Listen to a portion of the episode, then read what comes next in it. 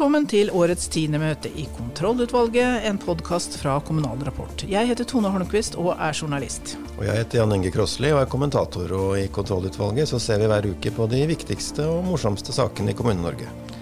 Arbeiderpartiet har landsmøte i helga. Hva kan kommuner og fylker vente seg med en ny rød-grønn regjering? Nestleder Bjørnar Skjæran kommer i studio. Og denne uka så skal regjeringen revurdere de nasjonale smitteverntiltakene. Og De må lettes i kommuner med lite smitte. Det mener ordfører i Salangen, Sigrun Vinken Prestbakmo fra Senterpartiet. Fra rådhuset til Stortinget er denne gangen med overhalla ordfører Per Olav Tyldum, som er Senterpartiets andrekandidat i Nord-Trøndelag. Og under eventuelt så skal vi mute, eller i hvert fall hviske. Er dagsorden godkjent? Den er godkjent, og møtet er satt. Arbeiderpartiet har landsmøte i helga. De skal vedta program for de neste fire åra, og mye av det blir sannsynligvis politikken til en ny rød-grønn regjering. Vi har med oss nestleder Bjørnar Skjæran, som eh, har vært sentral i arbeidet med programmet. Velkommen. Eh, det våre lyttere lurer på, er eh, vel først og fremst hvordan vil kommunene merke det hvis det blir en ny rød-grønn regjering? Hva blir den viktigste endringen, bortsett fra litt mer penger? Ja, nå er jo ikke det i seg sjøl så lite viktig for kommunene. Jeg har vært, jeg har vært eh, lokalpolitiker i, eh, i 28 år, eh, og jeg har vært nå fylkespolitiker i seks år. Sånn at, at liksom budsjettet sin jernlov det kjenner jeg ganske godt. Sånn at, sånn at litt mer penger det betyr, det betyr, veldig veldig mye. Så er det jo sånn at en av de store satsingene som vi har overfor kommunesektoren, det handler jo om, om retten til heltid. Mm. Det, å, det, å, få på plass en heltidskultur som gjør at, eh, at også de som jobber innenfor ja, Kanskje ser det innenfor eh, pleie og omsorg, men, men, vi ser det også i barnehagesektoren i, og, og, og, flere deler ut av, ut av kommunesektoren. At vi har altfor mye småstillinger. Og det å ha en lønn å leve av, det å kan starte et liv, skaffe seg en bolig, stifte familie, det er så helt grunnleggende for folk at mm. for oss er det en stor satsing som kommunene vil merke. Som vil gjøre tjenestene bedre også, og mer stabile, kanskje? Det vil bety aller, aller mest for de som jobber der. Men selvsagt betyr det òg noe for de som tar imot tjenester, som får færre å forholde seg til, som får folk som, eh, som er helt dedikert på jobben sin. Så, så, det handler både om kvalitet, men det handler først og fremst om at vanlige folk skal kan ha en lønn og, og leve av skikkelige arbeidsforhold. Og det er en stor likestillingssak. Jeg har jobba i veldig, veldig mange bransjer, eh, og, og, eh, og det har vært mannsdominerte yrker som har én ting til felles. 24-7 alle jobber heltid. Men i kommunesektoren så har vi så mange av våre ordførere er i gang med, men der de trenger skikkelig statlig drahjelp. Mm. Det legger vi opp til. Mm. Distriktspolitikk ser ut til å bli eh, en hovedsak i, i, i valgkampen. Mm. og dere konkurrerer jo litt med Senterpartiet om velgerne der. Hva, i dette programmet, hva, hva, er det nye i distriktspolitikken til Arbeiderpartiet de kommende åra? Vi leverer jo det sterkeste distriktspolitiske løftet i et arbeiderpartiprogram siden 70-tallet. Mm. Eh, og det er mange ting i det. Kommunene er helt sentrale, nært på folk, eh, tjenester der folk bor. Eh, men òg eh, en aktiv næringspolitikk. En stat som ikke stikker av, men som stiller opp og utvikler sterke lokalsamfunn i lag med kommunene. Jeg bruker å si det sånn at våre ordførere de skal heller bruke tida på å utvikle lokalsamfunnene sine i lag med en stat som stiller opp, ikke kjempe imot en stat som bare vil stikke av. Men litt mer konkret, noen nye grep som eh, ligger i disse regionavtalene f.eks.? Ja. Er det, ja, det er, kjempeviktig, det er kjempeviktig. og Mange av fylkeskommunene har jo regionvekstavtaler med, med kommunene, med regionrådene. Eh, og Vi ønsker at staten skal gå inn og bidra tungt i det her, sånn at, sånn at sammenhengene i politikken trekker i samme retning. Mm. Så vi tror at det er et veldig viktig grep. Og, og, og, som jeg var inne på, næringspolitikken er viktig. Den viktigste grunnen til at det bor folk over hele landet vårt, det er jo at det har gitt grunnlag for arbeid og inntekt. Naturressursene våre de de er ikke samla innenfor verken Ring 1 eller i ett eller to fylker. De, de, finnes over hele landet. Og skal vi klare å styrke velferdsstaten og i framtida, ikke bare kutte og privatisere, sånn som har vært linja de siste årene, ja, så må vi ta ressursene i bruk. Vi må skape verdier basert på de over hele landet. Hva er det som skiller Arbeiderpartiet fra Senterpartiet. Hvorfor bør folk stemme på dere og ikke Senterpartiet? Nei, jeg tror vi skal greie å bli enige om veldig veldig mye. Men vi har et, et mye mer kraftfullt fokus på eh, arbeidsliv, på det som handler om heltid. Eh, også er industripolitikken vår, eh, kjempeviktig. Men først og fremst så tror jeg vi skal finne gode løsninger i lag. Og vi ønsker jo også SV med på laget, og tror at ei, ei rød-grønn regjering vil kunne skape en, en helt ny retning for Norge enn det som har vært de siste årene. Eh, dere er åpne for at fylker som ble tvangssammenslåtte kan eh, løse seg opp igjen. Vil en rød-grønn regjering være med å betale for den oppløsningen, eh, og vil de beholde de nye oppgavene de har fått? Ja, Når vi snakker om de nye oppgavene, så er det jo ganske syltynne greier. Det var jo lovet mange nye ja, oppgaver. For eksempel, ja. Men jeg tror, at, eh, jeg tror, at, alle som ser tilbake på det, ser at det ble ikke mange nye oppgaver. Vi har vært veldig tydelige på at eh, det skulle være frivillighet som lå til grunn. og Det betyr òg at de fylkene som ønsker en oppløsning, de vil få det om vi får en rød-grønn regjering. Eh, så må vi komme tilbake til hvordan vi skal gjøre det. Vi skal sette oss ned i lag med fylkene, og vi skal gjøre det på en skikkelig måte. Men vil dere betale for det? Så det har jo kosta veldig mye å slå de sammen, og så skal man løse de opp igjen. Det er mye penger å bruke på Ja, Vi må sette oss ned og gjøre det her på en skikkelig måte. Eh, så jeg tror det blir helt feil om jeg skulle sitte her og på en måte gi noe budsjettløft i den sammenhengen. Eh, men det aller, aller viktigste er at eh, lokaldemokratiet det skal stå sterkt i Norge. For Arbeiderpartiet er lokaldemokratiet edelstein i demokratiet vårt. Og det var grunnlaget for at vi var så tydelige på at tvang var ikke veien å gå. Vi må ha, vi må ha frivillige løsninger hvis man skal komme fram til nye strukturer. Så det er det aller viktigste for oss. Lokalt selvstyre er kommunene veldig opptatt av. Eh, alle er jo for det. Men, eh, men kommunene har vært veldig kritiske til eh, bemanningsnormen for lærere f.eks., som, som legger en begrensning på den kommunale handlefriheten. Og dere vil fortsette med den, og dere vil ha nye bemanningsnormer i skolehelsetjenesten f.eks. Hvor, hvorfor begrenser dere kommunenes handlefrihet? Jeg opplevde det ikke sånn, og jeg har vært lokalpolitiker et helt liv og vet akkurat hvordan det der har vært. Vi har fått nasjonale satsinger, nasjonale reformer som kommunene har måttet håndtere, og det som gjør det vanskelig, det er jo når det ikke er finansiert. Eh, så var vårt utgangspunkt når det gjelder bemanningsnormen for lærere, at vi ønsker å ha det på kommunenivå. Det var vårt utgangspunkt. Så er det et annet politisk flertall som har gjort det annerledes. og vi, eh, vi tenker at eh, det er òg viktig å ha ro rundt noen reformer, selv om vi ikke har vært helt enig i alt som er gjort. Men igjen, det aller, aller viktigste det er jo at vi stiller opp med de pengene som er. Det har vi visst i våre eh, budsjetter, ikke minst i forhold til det som handler om barnehage. Eh, når det gjelder, eh, når det, gjelder det som, som, du er inne på, så, så, er jo anbefalingene fra Helsedirektoratet veldig, veldig klare. Mange unge sliter med psykiske lidelser, helseplager. Det forsterker under pandemien. Og det er viktig at vi tar nasjonale grep å, for å få det her til. Så skal vi gjøre det i lag med kommunene kommunene. Men vil dere vurdere lærernormen på kommunenivå, som vil da bety at kommunene kan prioritere mer mellom skoler? da? Som jeg sa, Det var vårt utgangspunkt. Det viktigste jeg tror vi kan gjøre nå framover, det er å sørge for at det er både økonomi nok, at vi utdanner lærere nok. Vi går imot ei, ei, ei lærerkrise. Eh, og, og, grunnen til at, eh, til at jeg f.eks., som har vokst opp i en distriktskommune, og som har bodd hele mitt liv, er liksom nesten sånn tolv mil forbi Gokk, det, eh, det, er jo at vi har sørget for å ha desentralisert utdanning, at vi har utdanna de lærerne som trengte det. sånn at jeg gikk, jeg gikk åtte av mine ni år på grunnskole med kan du si, hvis du summere det her opp, med, med, med lærere med godkjent utdanning. Det har også mine tre unger gjort, fordi at vi har klart å satse nok på å utdanne de lærerne som trenges. Der er det nå et etterslep som en rød-grønn regjering vil måtte ta tak i. Eh, og de løsningene som regjeringa har hatt, de har jo ikke ført noen vei. Solberg-regjeringa har oppretta en post som distriktsminister. Vil en rød-grønn regjering fortsette med det, og er det noe du kunne tenkt deg, kanskje? jeg syns jo ærlig talt at det der med distriktsminister ble en stor flopp. Eh, vi skal selvsagt erstatte det med å ha en distriktspolitikk som fungerer. Eh, å lage til en sånn greie uten altså en distriktsminister uten portefølje, uten økonomi, det har jo ikke gitt noen resultater. Så for oss er det jo mye mye viktigere at vi har en distriktspolitikk som fungerer. Og det må faktisk være noe som gjelder for, for alle eh, statsråder i, i ei rød-grønn regjering. Vi, eh, vi, sier at, vi, sier i programmet vårt at vi skal ha en, en distriktspolitisk konsekvensutredning av alle reformer. Eh, og vi merker jo at motstand mot reformer det har jo økt særlig ute i distriktene. Det er jo fordi at eh, vi har åtte år der reform i praksis betyr kutt og avvikling. Eh, og det er jo ikke sånn vi har bygd landet vårt. Jeg bruker å si det sånn at Arbeiderpartiet er et reformparti. Alle arbeidersangene handler om framtida. Det, det står ikke ei linje om at alt var bedre før. Men reformene må jo oppleves positivt og gi en effekt eh, som gjør at de får oppslutning, ikke at folk opplever at det er avvikling. Distriktspolitikk blir en sentral sak i valgkampen. Da sier vi takk til Arbeiderpartiets nestleder Bjørnar Skjæran og ønsker lykke til med landsmøtet.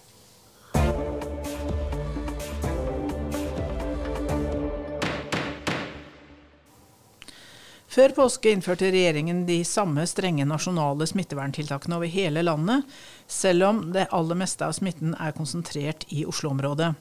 Denne uka vurderer regjeringen tiltak på nytt, og gjenåpning av samfunnet skal i gang. Men hvordan mener du det bør skje, ordfører i Salangen fra Senterpartiet, Sigrun Wiggen Prestbakmo? Eh, jeg håper jo at regjeringa går tilbake på det de sa mener jeg, tidlig i mars, at nå skal vi legge mer vekt på lokale tilpasninger og la det lokale sjølstyret ta mer kontroll over håndteringa av pandemien. Så er det klart at det har jo vært noen smitteutbrudd i mellomtida, men etter Holden-utvalget sin rapport så peker jo også dem på at en eh, suksessfaktor både for håndtering og for gjenåpninga er eh, å legge til rette for mer lokal tilpasning og lokale tiltak. Mm. Så Det håper jeg at vi får se fra regjeringa nå. Holden-utvalget det jo, de jo, det er jo regjeringens egen ekspertgruppe som nettopp har kommet med med en rapport hvor de som du sier, anbefaler lokale tiltak. Og Salangen er en av de mange kommunene som har hatt lav eller, eller ingen egentlig smitte. Fire tilfeller til sammen, ingen siden i fjor høst.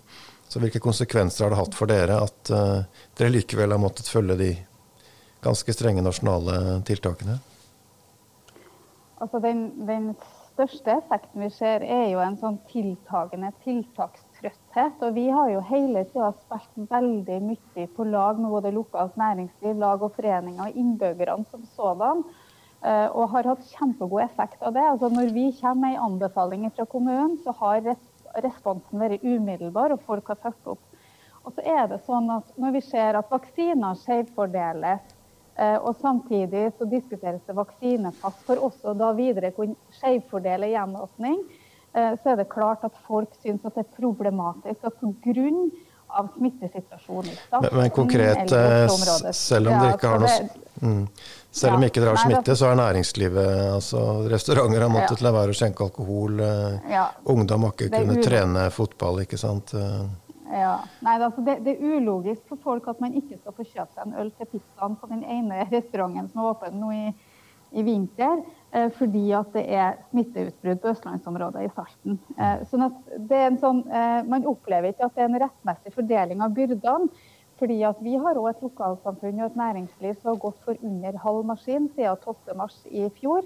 Og vi har som sagt, som du nevnte, hatt fire smittetilfeller der Eh, der vi ikke har hatt noe videre smitte. Vi har hatt stålkontroll, og vi har ønska å ta kontroll over tiltakene sjøl. Eh, fikk masse motstand fra statsforvalteren på det i fjor, da det var virkelig behov for å stramme inn lokalt her for å holde innbyggerne trygge. Mm. Og nå igjen så møter vi det med at nå er det ikke mulig for oss å gjøre noen lokale tilpasninger. Så ungene som går på skole i lag, f.eks. på Sjøvegan videregående, får ikke lov å spille treningskamper mot hverandre på fritida, selv om de har gym i lag i skoletida. Det er noe sånn, det er ulogisk, og det er, det er skummelt for fellesskapet. Vanskelig å forstå for folk, og, og tiltrekkstrøtte, ja. som du sier. Motargumentet er jo at disse muterte virusvariantene kan, de er så smittsomme, og man veit aldri hvor smitten dukker opp neste gang. Er, det ikke best å være litt føre var, da? Over hele landet? Det, ja, det er alltid best å være føre var, og det er nettopp derfor at vi har sett f.eks. nabokommunen vår, Ibestad, som har hatt smittetilfeller. De har jo en del arbeidspendlere til Harstad kommune f.eks. De har hatt en del smittetilfeller. og De har vært så raske og så krystallklare når de har måttet lukke eller stengt ned eller lage lokale forskrifter. Og så har de gjenåpna igjen. Så jeg opplever at både små og store kommuner er ganske dynamiske og ganske raske, og dermed også godt i stand til å vurdere uh, føre-var-tiltak. Mm. Eh, hvordan vil du oppsummere balansen mellom lokale og nasjonale tiltak? Altså, det er ingen, ingen, balanse mellom lokale og nasjonale tiltak. Som jeg ser det. Altså, det er rett og slett eh, Vi, vi sitter her, eh, som jeg sier, går for halv maskin. Ikke på bakgrunn av at det er en lokal smittesituasjon som tilsier at det er sånn, men det er i lojalitet med eh, smitteutbruddutsatte kommuner andre plasser i landet. Og, og, selvfølgelig på bakgrunn av relativt klare retningslinjer, inngripende mm. retningslinjer, som også eh, påvirker vårt lokalsamfunn. Nå sier jo smittevernloven at både kommuner og stat kan måte innføre tiltak mm. avhengig av situasjonen. Altså, nå kommer jo koronakommisjonen også. Bør smittevernloven gjøres tydeligere på, på hvem som har ansvaret i hvilke situasjoner? Altså, det vi opplevde for et år siden, da, for å gå litt sånn historisk til verks det var jo det at da opplevde jo våre kommuner at nå har vi behov eh, for å sette status for smitteverntiltak her Sant. Vi er nødt til å bruke tid på teststasjoner, rigge helsevesenet, kurse på testing, sørge for å ha tilgang på smittevernutstyr, og ikke minst er vi nødt til å bygge opp en beredskap, en pengepost. Eh, og Da ønska vi å ha innreisekarantene fra områder eh, som hadde uh, større smitteutbredelse. Søringkarantenen, såkalt? Ja, noen liker å kalle det det, men det handla ikke om søringer, det handla om, om, om, områder med smitteutbrudd. Da fikk vi ikke lov til det, fordi da var vi, det var for inngripende. Da hadde man ingen tillit til at vi var i stand til å vurdere uh, hvor inngripende og konsekvensen av den type karantenebestemmelser. Da ønska vi å stramme inn for å sette oss i stand til å håndtere situasjonen. Nå mm. er vi i stand til å håndtere situasjonen. Vi har teststasjoner, vi har alt vi trenger av smittevernutstyr. Vi har beredskap i form av en sengepost og en interkommunal legetjeneste. Eh, og da er det også sånn at vi har et meget kompetent eh, helsevesen og legetjeneste her, som er eh, raskt på banen når man ser at ting beveger seg. Ikke i kommunen, for der er det ingenting som har beveget seg. Men i området rundt. Men i området, ikke sant. Mm, mm. Sånn at vi, jo, vi, gjør jo Krisestaben gjør vurderinger en, gang, en dag i uka, og kriseledelsen gjør vurdering en gang i uka i tillegg. Sånn vi, og vi møtes på kveld og natt om nødvendig dersom det oppstår situasjoner. Da blir det spennende å se hva koronakommisjonen kommer fram til. Det blir en debatt i etterkant av det. Da sier vi takk til eh, Salangen-ordfører Sigrun Prestbakmo.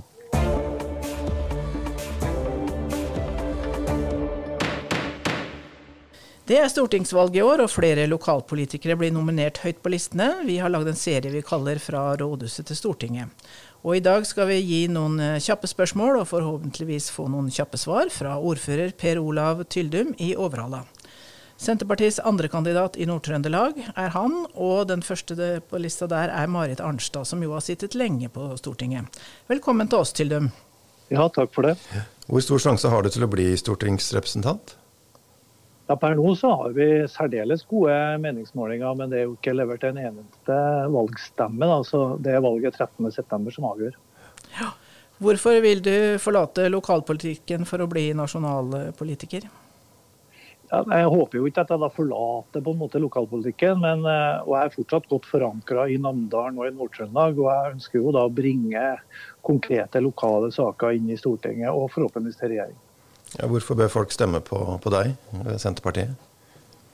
Med mine ti år som ordfører i Overhøyda kommune og Namdalen og Nord-Trøndelag, så tar jeg med meg et klart oppdrag om å få vår del av Norge enda mer på kartet. Jeg ønsker å være en ombudsmann for Nord-Trøndelag med å ta da de regionale sakene inn til øverste organ. Hva blir den viktigste saken eh, fra ditt fylke? Ja, Det er mange viktige saker, men jeg må velge noen. og Da er det jo ikke minst å stoppe den sentraliseringsiveren som vi har med dagens regjering, og vinne fram i kampen om samferdselspengene til vårt uh, område. Det er både til E6, fylkesveier osv. Og, så og ikke minst sikre trygghet og beredskap her vi bor. Mm. Hvordan skal du drive valgkamp nå mens det fortsatt er strenge smitteverntiltak? Ja, jeg håper jo inderlig eh, at vi på tampen av valgkampen i hvert fall kan få ut og treffe folk. Eh, og Imens så blir det jo da å bringe et politisk budskap ut i det digitale rom, der folk ferdes. Men, eh, men å fortsette jobben som en synlig ordfører her er i dag. Litt tilbake i tid, hvilken sak var det som trengte ditt politiske engasjement?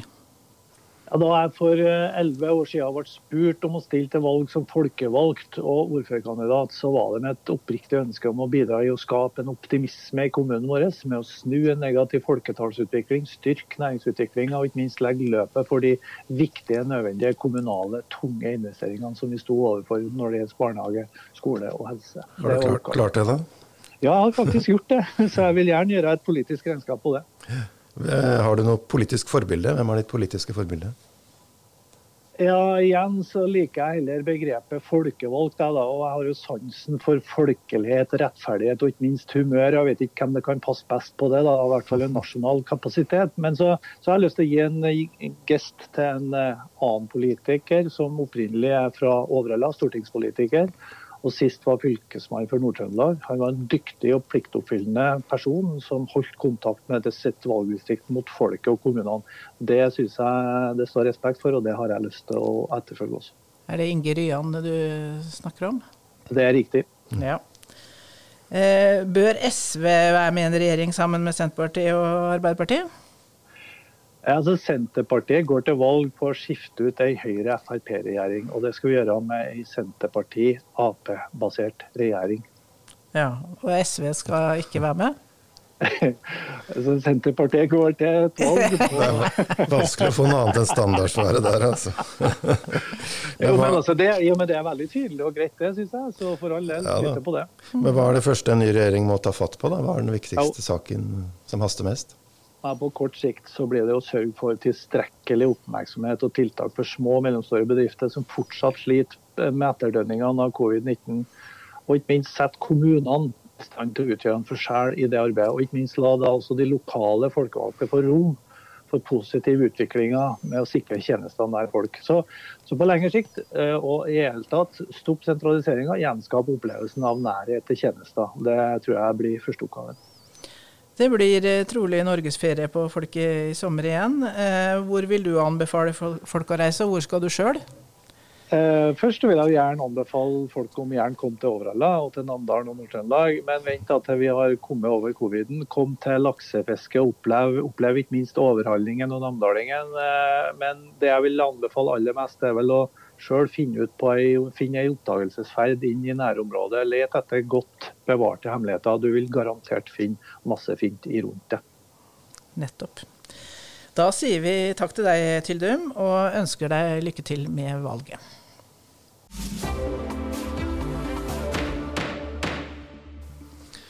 Da er vi kommet til eventuelt. Du har bare skrevet mute, Tone. Skal jeg være stille, eller?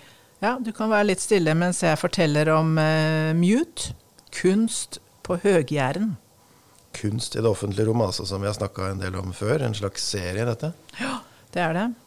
For eh, i Time kommune da, på Jæren så er det en kunstner som kaller seg Pøbel. Han driver jo mye med gatekunst og den slags. Og nå, altså Han er fra Jæren, og han vil sette opp en diger skulptur av dette mutetegnet som vi er blitt kjent med alle sammen nå på digitale møter. Altså ikonet som viser en mikrofon, og som er et kryss over. Hvor skal det stå hen? Eh, På et sted hvor man bør eh, være stille. Ja, biblioteket, kanskje? Eller Nei, kirkegården? Nei. Eh, på fjellet mener de at dette her passer, da. Den skal være 10 meter høy, 8 meter brei og 1,3 meter tjukk i betong oppå fjellet der. Så når du da kommer skravlende oppå fjellet og bråker og lager lyd, og så ser du den da, og så holder du kjeft, og så nyter du naturen. Så det er eh, ordfører eh, Andreas Voldsund i Time er veldig begeistra. Han sier til Stavanger Aften, Aftenblad at dette er helt fantastisk. Jeg tror mut- mutetegnet kan bli større enn trollpikken. Hæ? Trollpikken, det er lenge siden jeg har hørt noe om den. Ja da. Det, det var jo denne steinformasjonen da, som ble hogd ned og murt opp igjen. Ja. Fikk mye oppmerksomhet, den. Men mutetegn? Hysj. Da avslutter vi møtet. Og møteledere i kontrollutvalget var som vanlig journalist Tone Holmquist og kommentator Jan Inge Krossli. Og vi ordner med det tekniske også. Og Jonas Brekke Krossli har laget vignettene.